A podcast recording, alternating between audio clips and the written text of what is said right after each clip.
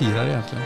Ja, vi firar 50. Det var ett Ja, värdigt firande. ja men visst är det det. 50, det är det nya 70 eller var det det nya 30 eller ja, vad, vad firar vi? Ja, jag vet inte. Ni båda har ju fyllt 50 så jag vet inte. Hur känner ni?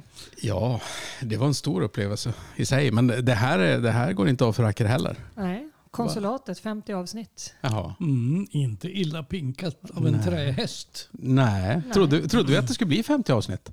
Nej, in- inte jag, men jag trodde på mer än vad Bernt trodde.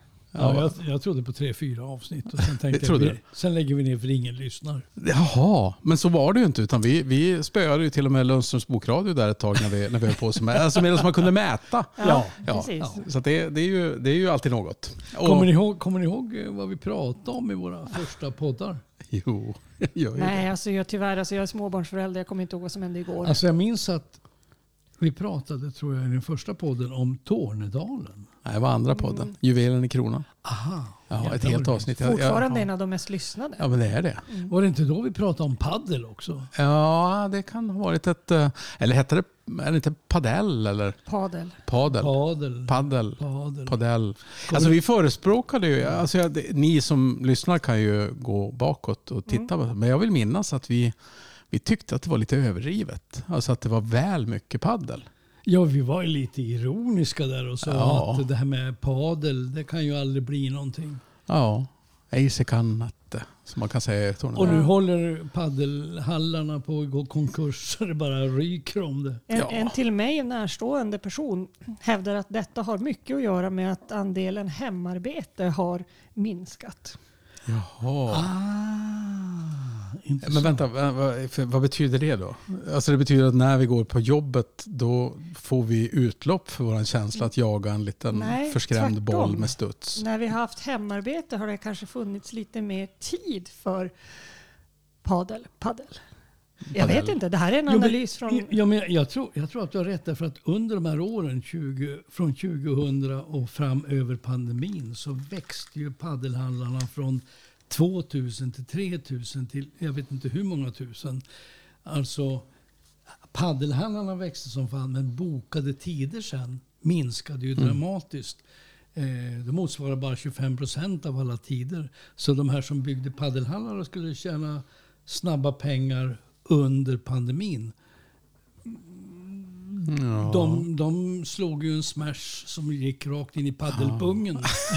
Man, man får väl ändå säga någonstans att, eh, att, något eh, att paddelhallarna upptäckte marknadsekonomi var ju, det var ju säkert mer hälsosamt än tulpanhandeln på, i Nederländerna för många hundra år sedan när alla upptäckte att nej, men, värdet på en tulpan var ju inte riktigt så mycket och värdet av en timme paddel, även fast det är kul. Spelar ni paddel Bernt? Jag vet, inte, jag vet inte hur det går till ens.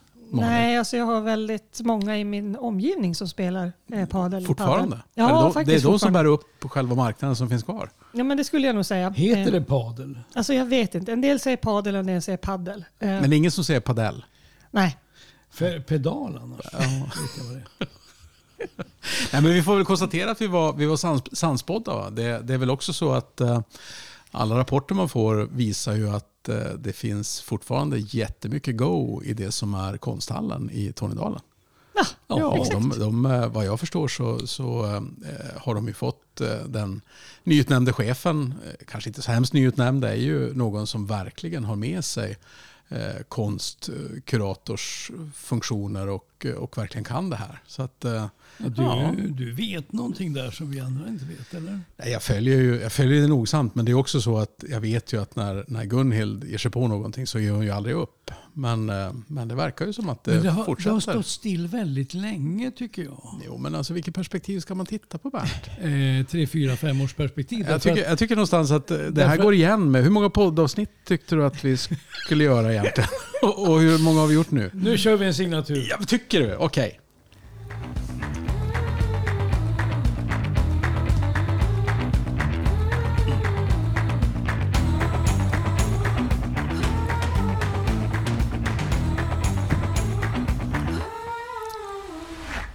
Ja, välkomna ska ni vara till podden Konsulatet. Eh, Avsnitt 50. Ja, Mm, det är ni. ja, och vi som sänder är ju faktiskt fortfarande Malin Öhlund. Bernt Tiberg. och Jonas Lundström. det, kä- bara det känns jävligt tryggt. Vad ska vi prata om idag då? Ja, vi har ju flyttat upp en våning. Det är ju så att vi, vi sänder ju på själva konsulatet men första avsnittet det provar vi sända i, i det som var mitt musikrum. Mm, stämmer. Ja, det var en, vi har flyttat upp så nu är vi i markplan. Mm, Och- I köket. Ja, i avsnitt 100 kanske vi har flyttat upp till övervåningen. Ja, den som lever får se. Vad ska vi prata om idag Bernt? Ja. Eh, jag tänkte prata om en film, Avgrunden.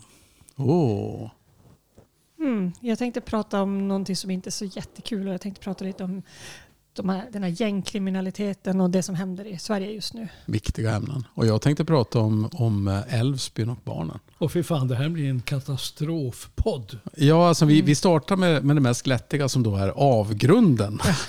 Och så Ja. vet vi ju det här att det, det är ju Bernts ämne men, men det är ju våran, våran fina möjlighet har ju jag och Malin att kunna intervenera så hårt vi bara kan. Ja. Avgrunden, vad är det för någonting Nej, men alltså, jag har varit och tittat på bio och sett den här filmen Avgrunden som handlar om att eh, Kiruna rasar ner i ett gruvhål. Och det är en Åh. riktig katastroffilm. Det handlar om en, eh, kan man säga egentligen, eh, Frigga som spelas av Tuva Novotny. Hon är? En säkerhetschef på gruvbolaget. Aha. Alltså man säger inte LKAB i filmen, Nej, men nej. på gruvbolaget. Men kände de sig träffade på LKAB? Alltså, så här att det, det, Ja, men, men lite grann, ja det gör de. Men lite grann, alltså filmen handlar ju om det. Att Frigga, hon är säkerhetschef på gruvbolaget. Hon är mor till två barn. Hon har en exman och en ny man. Och det är en ganska rörig, rörig trasslig familjesituation. Eh, men det spelar inte så stor roll sen när katastrofen kommer. För Frigga hon upptäcker ju att berget under Kiruna håller på att rasa ihop. Nej. Ja. Alltså, vad skulle du säga kvalitetsmässigt? Alltså, det är en svensk film och det är en katastroffilm. Det känns som att bara det kan vara en katastrof. ja, men det, det är det inte. Alltså, Mhm. Jag tycker det är en hyggligt bra eh, svensk katastroffilm. Och som norrbott... Ja, men, en nej, men, hyggligt bra svensk... Alltså jag känner att jag redan nu vill, vill springa iväg till biografen. Va? Så en hyggligt bra svensk katastrof. Nej, Alltså det är ju inte de här eh, amerikanska, det är, inte, det är ju inte Hollywood-pengar bakom. Så, så mycket finns inte. Men det är jävligt bra gjort. Liksom, Ah. allt det här. Sen eh, storyn i sig har en hel del övrigt att önska. Men eh, jag tycker det är som Norrbotten. jag tycker det är kul och intressant att se Kiruna och hur Kiruna försvinner ner i ett stort jäkla slukhål. Men det som är ännu mer intressant tycker jag, det är ju att LKAB har ju gått ut publikt och kommenterat den här filmen. Jaha, och de ger ju ut en tidning, jag tror att den går ut till alla hushåll. jo, jag har fått den. Jaha, jag har också fått Framåt Ja. eller uppåt. Nej, Fram, men- nej, framtid, framåt. framtid Fram- ja. heter den. Eh, och eh, de säger ju dels naturligtvis att det är toppen att den här filmen har spelats in i Kiruna, att man får visa upp allt som är så fint. Eh, men de är också otroligt noga med att påpeka att detta skulle aldrig kunna ske. Nej. Och då undrar man ju varför flyttar man då en hel stad? Ja. ja, precis. Det, gruvstadsparker betyder det ingenting.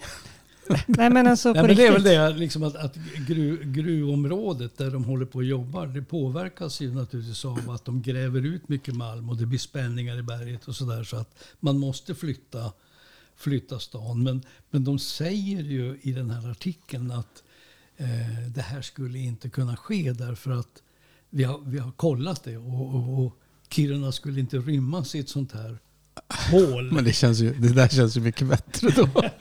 alltså lite grann som det här med Stenungsund. Och det var inte hela E20 som, Nej. som rasade ner i. Nej, jag tänker ganska mycket av Kiruna kan ju rymmas. Eh, ja, Och, och vilken del av Kiruna är det som inte ryms? För då, det är Och i där sådana jag vill, fall gör det någonting då. Ja, ja, ja, men jag kan säga att om jag själv skulle bo i Kiruna så skulle jag vilja bo i den delen som inte rymdes då. I, i Ja, slukhålet. exakt. Alltså, så. Exakt. Så därför känns det ju bra att de ändå har flyttat stan. Mm. Även fast det absolut aldrig skulle kunna hända. Det, men det känns ju lite konstigt ändå. Alltså, det, är som, det är som att sätta någon så här varudeklaration på Star Wars och säga att det här, det här påhitt, är en påhittad berättelse för framtiden. Den har ingen direkt koppling till verkligheten. Det är inte en detta är inte en dokumentär. Nej, men jag, jag tycker ändå, alltså, om man har möjlighet så tycker jag man ska se den här filmen. Jag ger den ändå Mm, tre konsulatet stjärnor av Det fem. gör du? Ja, Ah. ja. Jaha, det var Annars, annars tänker jag det där med, men är det inte, alltså, man är beroende av varandra. Det går som inte att göra den där filmen utan att det finns ett gruvbolag. Och gruvbolaget är lite stolt på något sätt. Men det känns som att Svenska kyrkan kommenterar Exorcisten, återkomsten med att eh, nej, det här, så här fungerar inte riktigt det vi håller på med i själasörjande verksamhet. Så, nej, det, vi kräks inte grön ärtsoppa. Det, det gör vi inte, aldrig någonsin. Nattvarden är en mycket mera finstämd... Ja, vi ska inte... Men lite så känns det. Ja, lite faktiskt. Jag kan, jag kan erkänna det.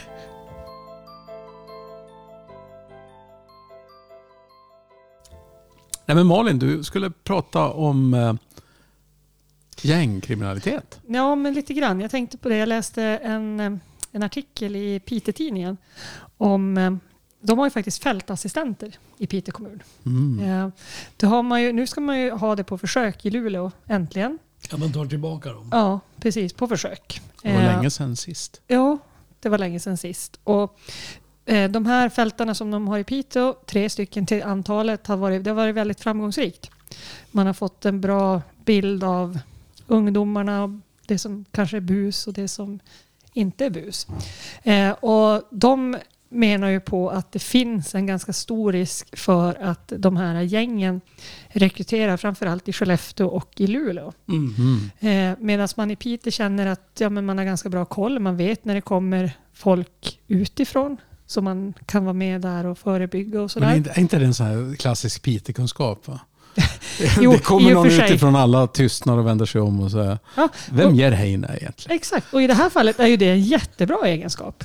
Eh, om vi nu ska, ska vara sådana. Medan det kanske då är ett större problem om man tittar då i, i Luleå, kanske framför allt. Eh, där man inte har koll på vilka som kommer utifrån och inte. Eh, och det faktumet att det rekryteras Eh, känns ju... Ja, men jag tycker det känns lite, lite läskigt men inte särskilt oväntat. Eh, vad, vad säger ni? Ja, alltså jag, jag fick en sån här... Eh, prata, man pratar mycket gängkriminalitet nu och då, då var det en, en klok person jag pratade med som sa att eh, själva kodnamnet någonstans det är ju att gängkriminella nu fungerar lite grann som ICA.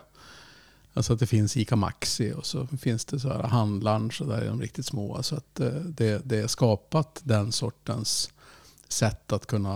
eh, Jag menar, vi, vi, morden som har, har skett i norra Sverige som har varit gängrelaterade, de har ju haft med de här stora gängkonflikterna att göra i södra Sverige. Och så har Mm. de på något sätt, någon har dykt upp i norra Sverige och så, sen så, så händer det. Alltså jag tror ju att eh, vi har ju varit hyggligt förskonade så här långt här uppe i Norrbotten. Men jag tror att vi snart har de här. Alltså polisen i Skellefteå de berättar ju redan att eh, de har sett att de har kommit. De vet att de är där. Eh, och befarar att eh, värre saker kommer att hända. Och det som, det som attraherar de här organiserade gängen, det är pengar. Mm. Alltså vid sidan av knark så handlar det ju om bedrägerier och det handlar om välfärdsbrott och det handlar om att man tar sig in i företag och lurar företag. Eh, och, och eh, jag tror att den här gröna omställningen som vi är på väg in i och som kommer, där man kommer att investera otroligt mycket pengar. Vi pratar ju om bara Norrbotten runt 1000 miljarder kronor. Och går man på Europols siffror så eh, roffar den organiserade brottsligheten åt sig 50-15 procent av sådana här samhällspengar. Eh, och det är klart att vilka organiserade brottslingar vill inte vara med eh, i, den här, i den här stora investeringsvågen som sker här uppe. Jag tror att vi har de här snart. Ja, och jag tror att eller, de, de finns ju redan här till, till viss del. Alltså det är en ganska stor eh, ekonomisk härva om man tittar i Malmfälten där vi har en, en företagare som eh, har gått i, numera då i, i konkurs. Där initierade källor säger att det är eh, sannolikt den största ekonomiska härvan som vi har sett i norra Sverige. Eh, Mm. Och det är ju kopplat till gruvnäringen. Alltså det var ent- entreprenaduthyrning. Ja, eller det, precis. Alltså ett entreprenadföretag som jobbade i gruvan. Mm. bland annat. Eh, och eh, det är ju stora värden på maskiner och, och sen har det ju varit fruktansvärt för, för personalen eftersom att bolagen inte har försatts i konkurs. Så har de, De har inte fått lön. Nej, precis. Men nu, nu är det försatt i konkurs så att de hoppas få lön då från statliga lönegarantin. Men, men det visar också att eh, företagen kommer att måste bli ännu mer noggranna och granska vad de tar in. Ja, Mm. helt klart. Alltså det här är ju som en, eh, det är ju som en kobraorm som liksom nästlar sig in eh, överallt i samhället. Det är narkotikahandel, det är bedrägerier, det är välfärdsbrott, det är liksom telefonbedrägerier.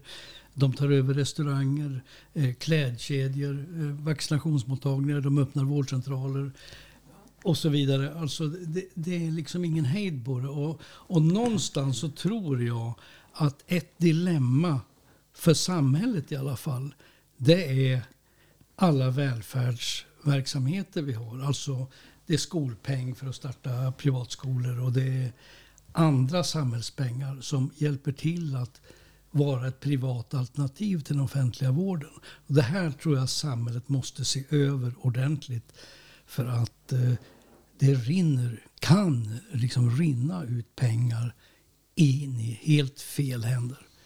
Rakt ner i fel fickor. Och sen har vi också en, en annan, alltså när man pratar om organiserad brottslighet och gäng och liknande så eh, vi kommer ju inom kort sannolikt ha entreprenörsboenden i Luleå Mm. som i Skellefteå. Och där vet man också, där många människor, läs män, samlas, så blir det ofta, det blir ofta en handel med prostituerade, eh, droger, Mm. så att även också en del misshandel.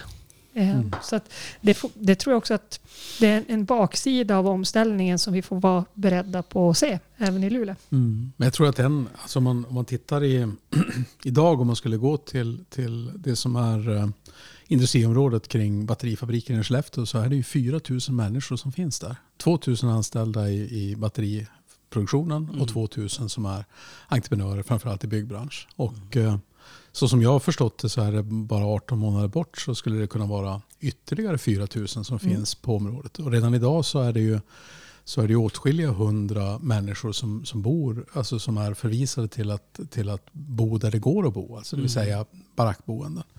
Och det som, det som jag tror är det, det, det jätteviktiga för, för, hela, för hela omställningen på lång sikt, men också för, för, eh, för Sverige, det är ju att kunna se till hur kan vi på snabbast möjliga sätt kunna få fram det som är bostäder som är rimliga och som går att räkna hem, att kunna bygga och få på plats.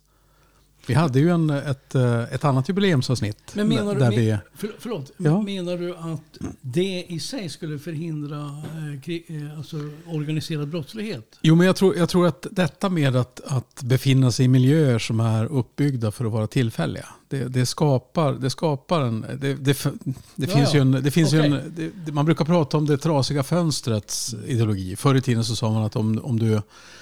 Om du, om du låter ett, en fönsterruta vara trasig i ett område eller du låter en vägg vara klottrad. Då påverkar det hela stämningen någonstans. Sen är ju det här vantolkat och misstolkat på flera olika sätt. Men, men detta med att det faktiskt betyder någonting hur närmiljön ser ut. Det, det ska absolut inte underskattas. Absolut. Sen, sen har jag också eh, läst någonstans, eh, jag tror att det här är i, i Norran, men eh, det lå- låter vara osagt. Men alltså det här att Northvolt har haft ett lager av eh, rekryteringsbolag och andra konsulter. Men att man liksom har skalat ner det och försöker själva komma närmare och närmare vilka man rekryterar så att man inte överlåter det till privata alternativ.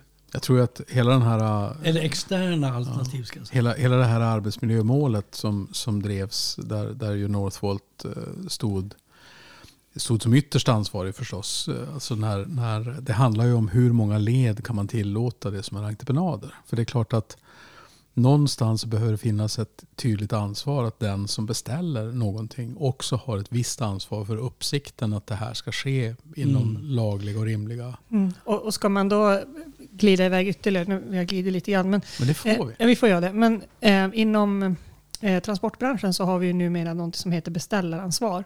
Och det innebär att du som i ditt yrke ansvarar för att köpa transporter är ansvarig för transporten i alla led. Så du Mm. kan liksom inte eh, du kan inte säga bara, men jag köpte den av dig Jonas. Mm. Och sen jag har du, du har köpt den av Bernt och Bernt har köpt den av Mona och Mona köpte den av Olle. Och sen blev det som det blev. Sen blev det som det blev. Mm. Det är fortfarande jag som har köpt den av dig som, Mm.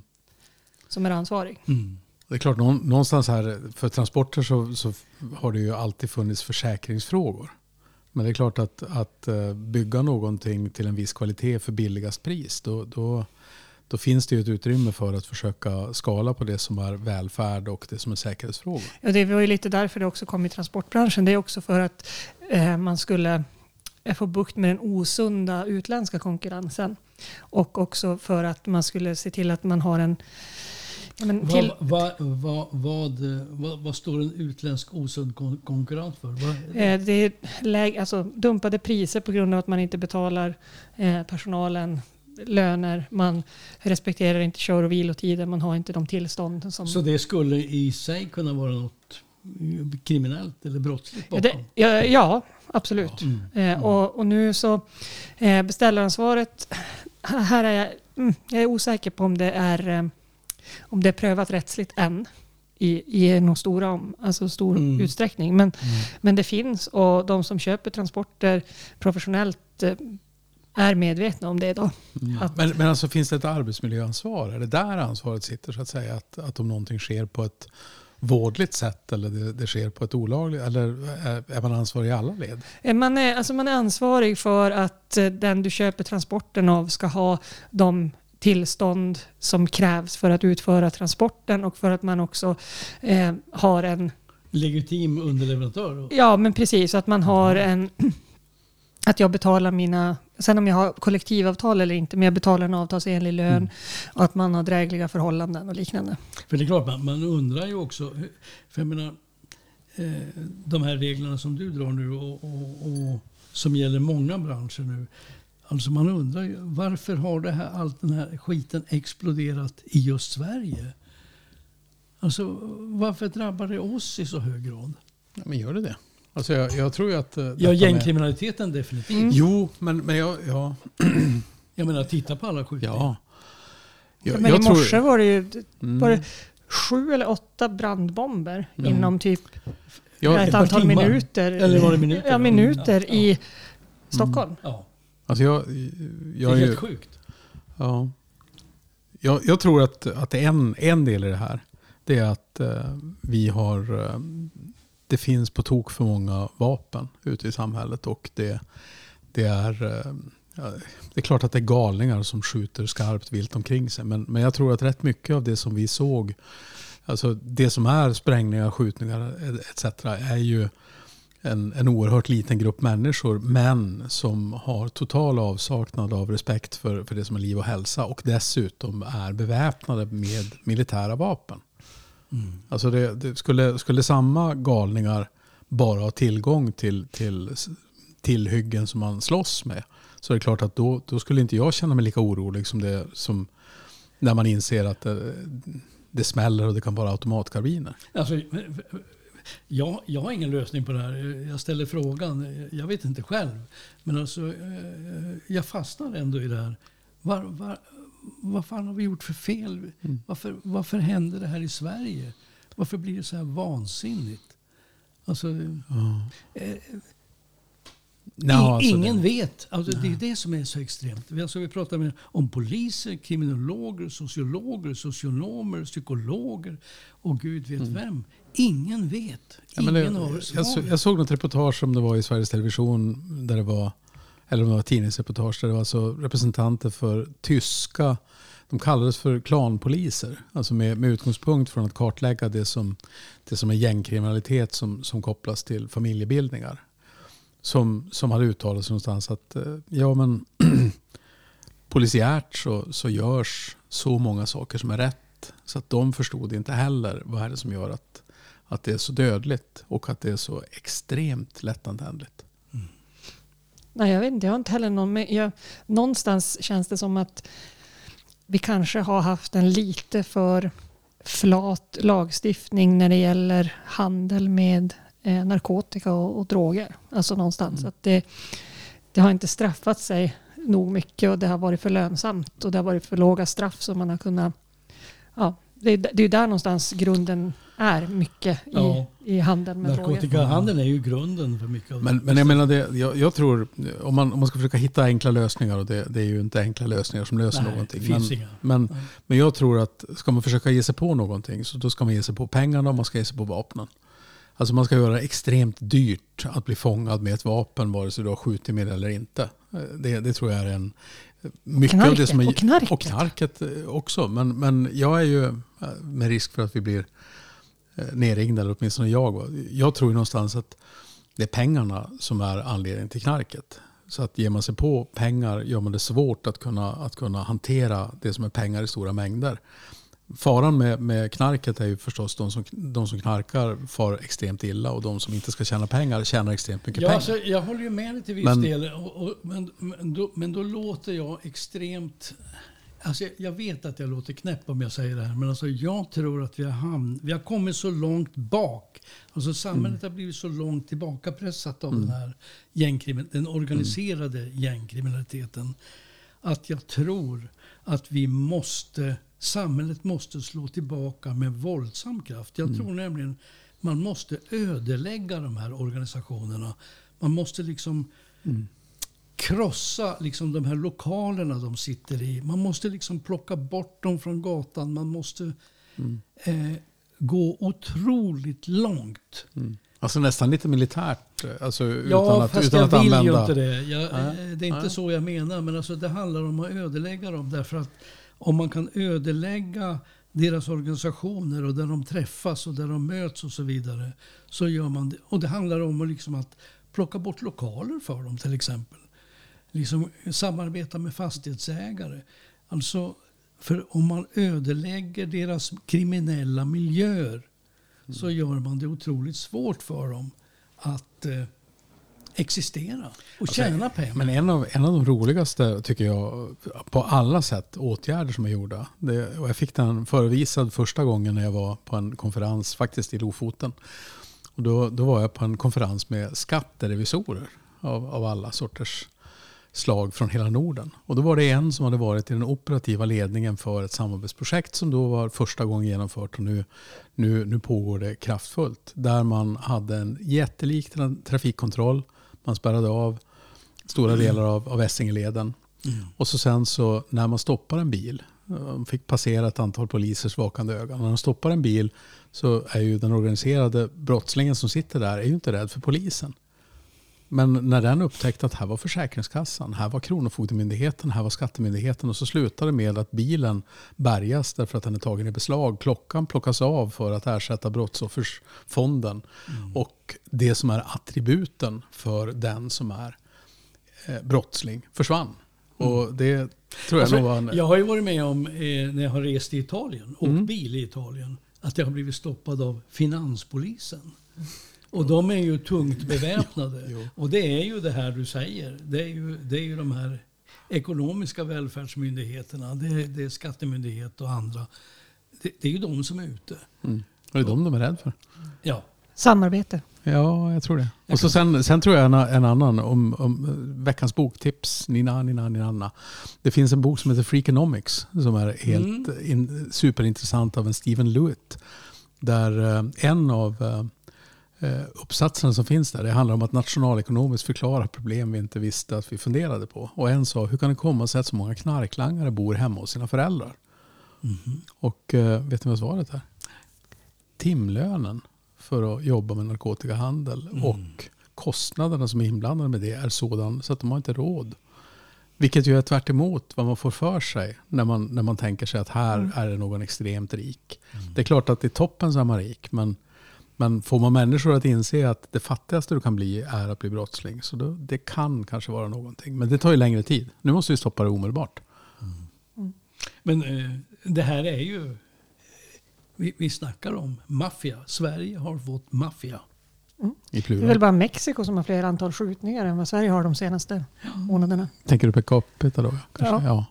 USA är ju annars tyvärr alltid ett tråkigt exempel med, med massskjutningar i sig. Men Mm. Finland är ju, är ju, borde ju vara som Sverige men har betydligt färre. Ja. Hyvä Suomi. Ja, så. så. med.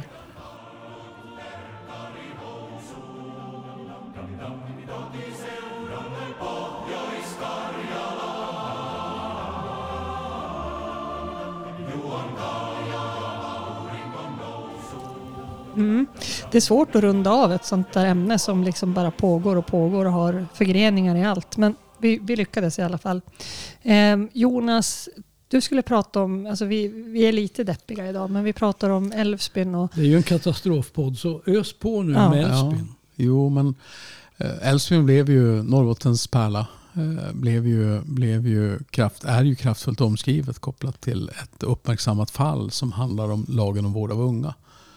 Där eh, just nu så sitter ju en man häktad på sannolika skäl misstänkt för tror jag, grovt, barnpornografi, grovt barnpornografibrott. Mm. Eh, Det finns tidigare misshandelsdomar. Mm. Det finns, eh, och eh, de här föräldrarna, mamman, är ju fortfarande misstänkt även om hon är släppt ur häkte för eh, grovt försvårande eller om det är grov medhjälp Skyddande, till ja. skyddande av. Ja, men, eh, och det som hade hänt var att eh, de här som det verkar fullständigt uppenbart olämpliga föräldrarna hade först blivit av med sina barn i enlighet med lagen om vård av unga. Mm. Och så sen hade de uppmärksammat fått tillbaka barnen. Tre år senare. Mm. Ja. Mm. Och nu står man där och så Och i man- den vevan så anklagas socialarbetarna för att ha ljugit. Mhm. Precis. Så att det finns, och det finns dessutom eh, vad jag förstår också en, en, eh, just nu så har Älvsby kommun gjort en, en anmälan mot sig själv. En eh, så kallad en lex Sara-anmälan. Mm. Där, man, där man själv vill att det ska utredas på vilket sätt man eventuellt har brustit. Och jag, jag brukar som, när man tittar på det där, är det något politikområde man ska, som verkligen är jobbigt så är det ju det som är socialfrågor. Därför att när man tar till de absolut grövsta eh, förutsätt, eller de, de allra skarpaste åtgärderna, att man från en familj skiljer barnen från föräldrarna. Eller man beslutar om att någon ska tvångsvårdas mot sin vilja för den, denna personens eget bästa. Så är det ju antingen så att eh, socialtjänsten har gjort för lite eller gjort för mycket. Det är för varmt eller för kallt. Mm. Och här har man ju på något sätt hamnat i konststycket att man, man har först gett bakläxa till sig själv för att man tyckte att man gjorde för mycket. För att sen nu åklagare och polismyndighet säger att nej, det var faktiskt tvärtom. Ni skulle ha fortsatt som ni gjorde. Nu gjorde ni för lite. Mm. Men, men är det inte också att man kommer tillbaka till en tes som jag har? Eh, och det är att biologiska föräldrars rätt till sina barn vägs alltid tyngre än barnperspektivet och barnets bästa. Eh, Ja, absolut. Ja, Alltså jag, jag, jag kan inte tolka det på något annat sätt. Om man tittar på de händelser som har varit. Det här är ju en tragisk händelse. mm. Eh, vi har även Tintin.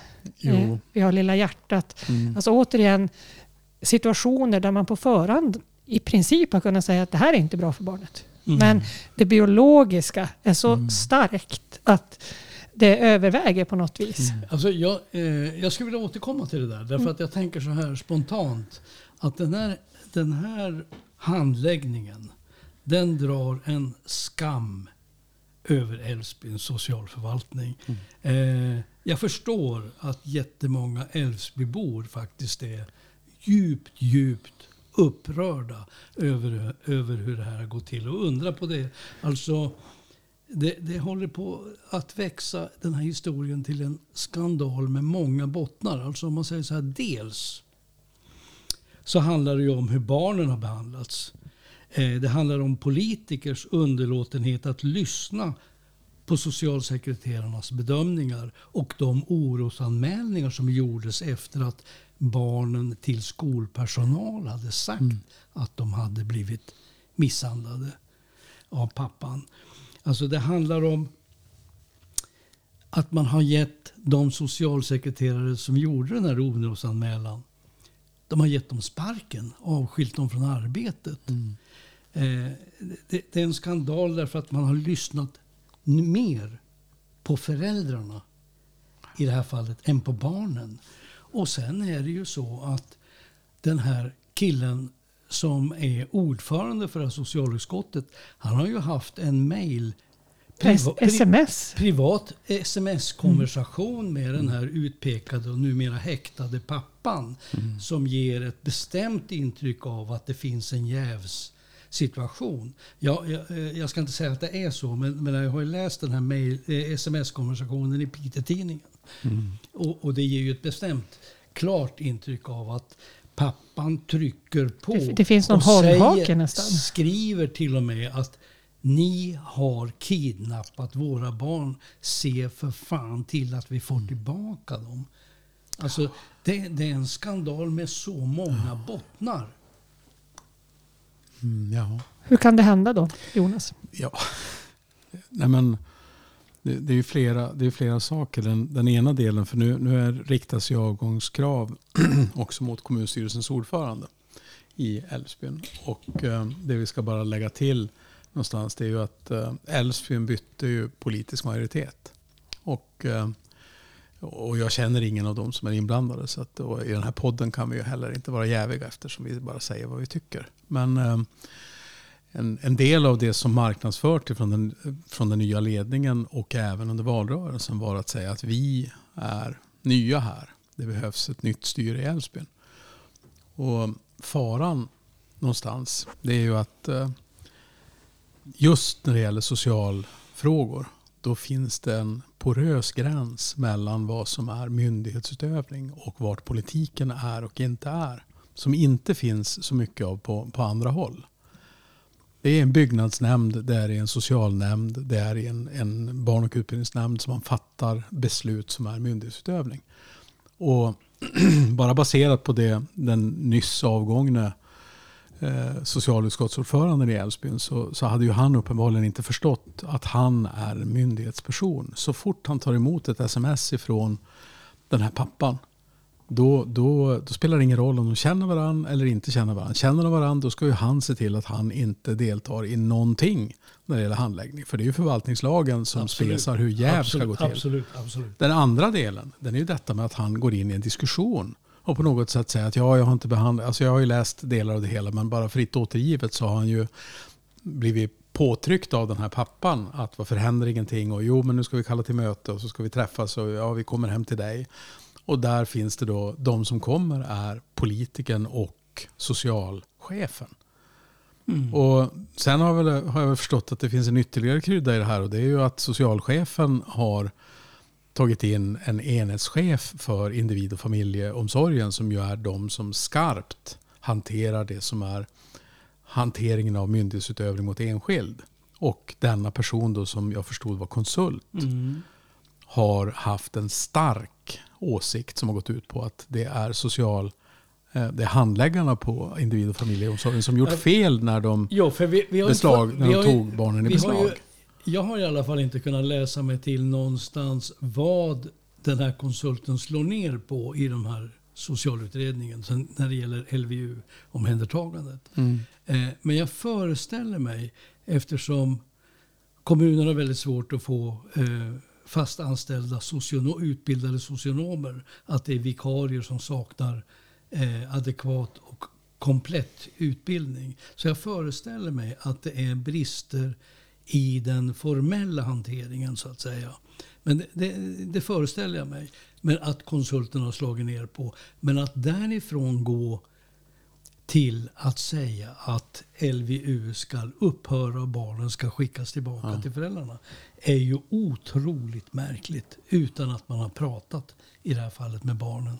Och det, hade väl, det är väl också så att vi skulle kunna göra det så enkelt och säga att det var en konsult. Men vad jag förstår så är det ju så att man tog in en enhetschef för eh, individ och familjeomsorgen på en konsultbasis. Och så sen så beställdes en extern konsultutredning av Exakt. det som var fallet.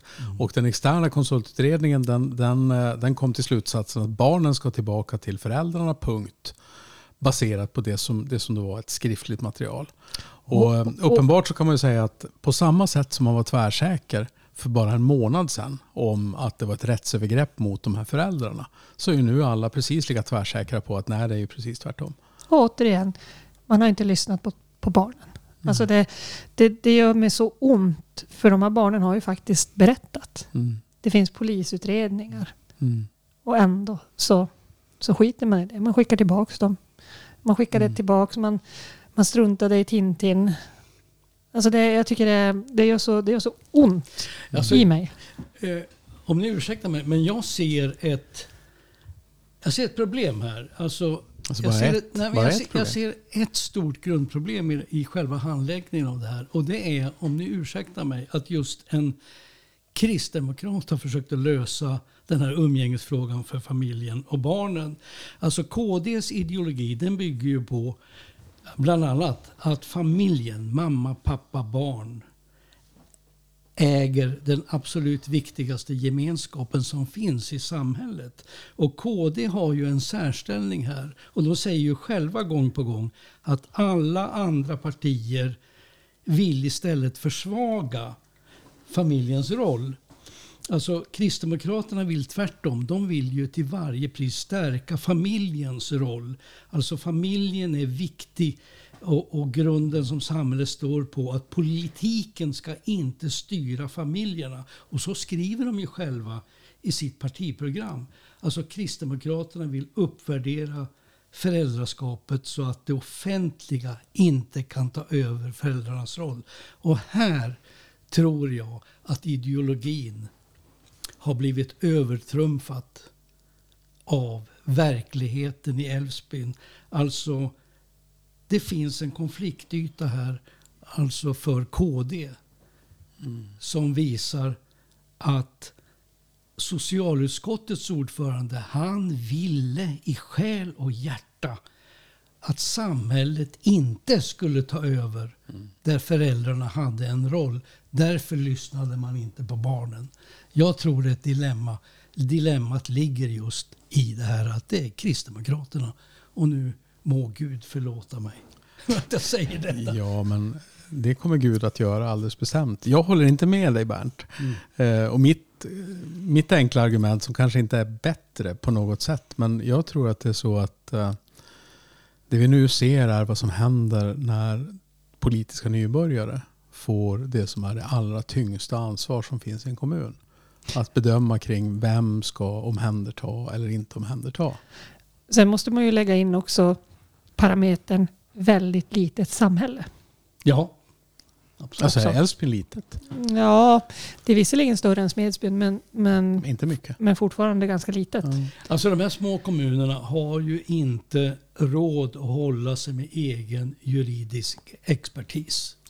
Och, och här vore det på sin plats tror jag att de små kommunerna, till exempel i Norrbotten, men det gäller ju i hela Sverige, många små kommuner, borde gå ihop och ha juridisk expertis som till exempel kan hantera socialtjänstfrågor ur ett juridiskt perspektiv. Alltså så att man kan göra det tillsammans.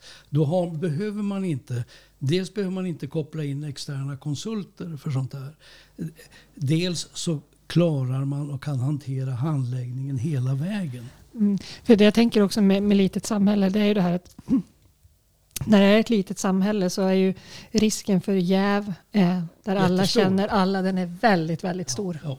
Och man också kanske har en, en viss fördomsryggsäck med sig. För man kanske ofta man har gått i skola tillsammans. Alltså, man känner varandra. Och det, det tror jag det är en, en parameter som man inte ska bortse ifrån. Alltså många kommuner som, som jag träffar i, i min yrkesutövning som idag är i, i Västerbottens inland. Där, där gör man ju så att man, eh, man låter en person vara myndighetsperson. Alltså man bestämmer sig för ganska tydligt att ja, men har inte vi möjlighet att kunna eh, hantera alla typer av bygglov och annat eh, så här på en och samma gång så kan vi se till att det finns en person som faktiskt förstår hur myndighetsutövning går till. Mm. Och så kan vi låta utredning hantera saker men det ska finnas någon som har ett tydligt ansvar. Mm. För jag tror att det är det som fattas när vi pratar om de här delarna. Så att det, det finns inte tydligt ansvarstagande. När vi spelar in det här programmet så, så har ju till exempel socialchefen i Älvsbyn, han, han har gått helt fri. Och det är ju det är också som en sån här grej i det här lilla samhället Malin. Alltså att ingen har något ansvar. På något sätt, ingen har något ansvar. Jo, Kommunstyrelsens ordförande har nu gått ut och sagt att vi, tar, vi lyfter tillbaka de här frågorna till socialnämnden. Och, Ja, men man tillskapar en ny social... Alltså man skjuter ju ifrån sig frågorna. Från kommunstyrelsen till... ja men precis, Nej. fel av mig. Helt rätt av dig. Ja men precis. Det blir, Tillskapar en nämnd alltså. exakt. Vilket ju är rimligt. Vilket är riktigt Ja, och rimligt. Ja. ja det är Men, men det är också det här. Alltså, eh, oj, oj, oj. Ja, men alltså, de har ju sprungit in i väggen så det bara skriker om. Men det sorgliga är ju, vi sitter och pratar om det ur ett övergripande Ja. perspektiv. Men vilka är det som har drabbats? Ja, Här? det är barn. Barnen. Barnen, barnen, barnen. Det är fruktansvärt. Mm. Alltså det känns någonstans... Eh, alltså, det behöver finnas en plats för att kunna prata om svåra saker fast, fastän vi, vi sitter runt ett köksbord och har vansinnigt trevligt. Mm. Och jag hoppas att ni som lyssnar på något sätt har fått ut någonting av detta även om vi försöker undvika att vara tvärsäkra. Mm. Är du tvärsäker Malin? Ehm, inte på mycket, men jag, jag är tvärsäker på vissa saker. Det är jag. Och det hör vi. Bernt, vad är du tvärsäker på? Att vi hörs om en månad. Strålande! Ah. Ha det så gott alla lyssnare. Vi hörs om en månad.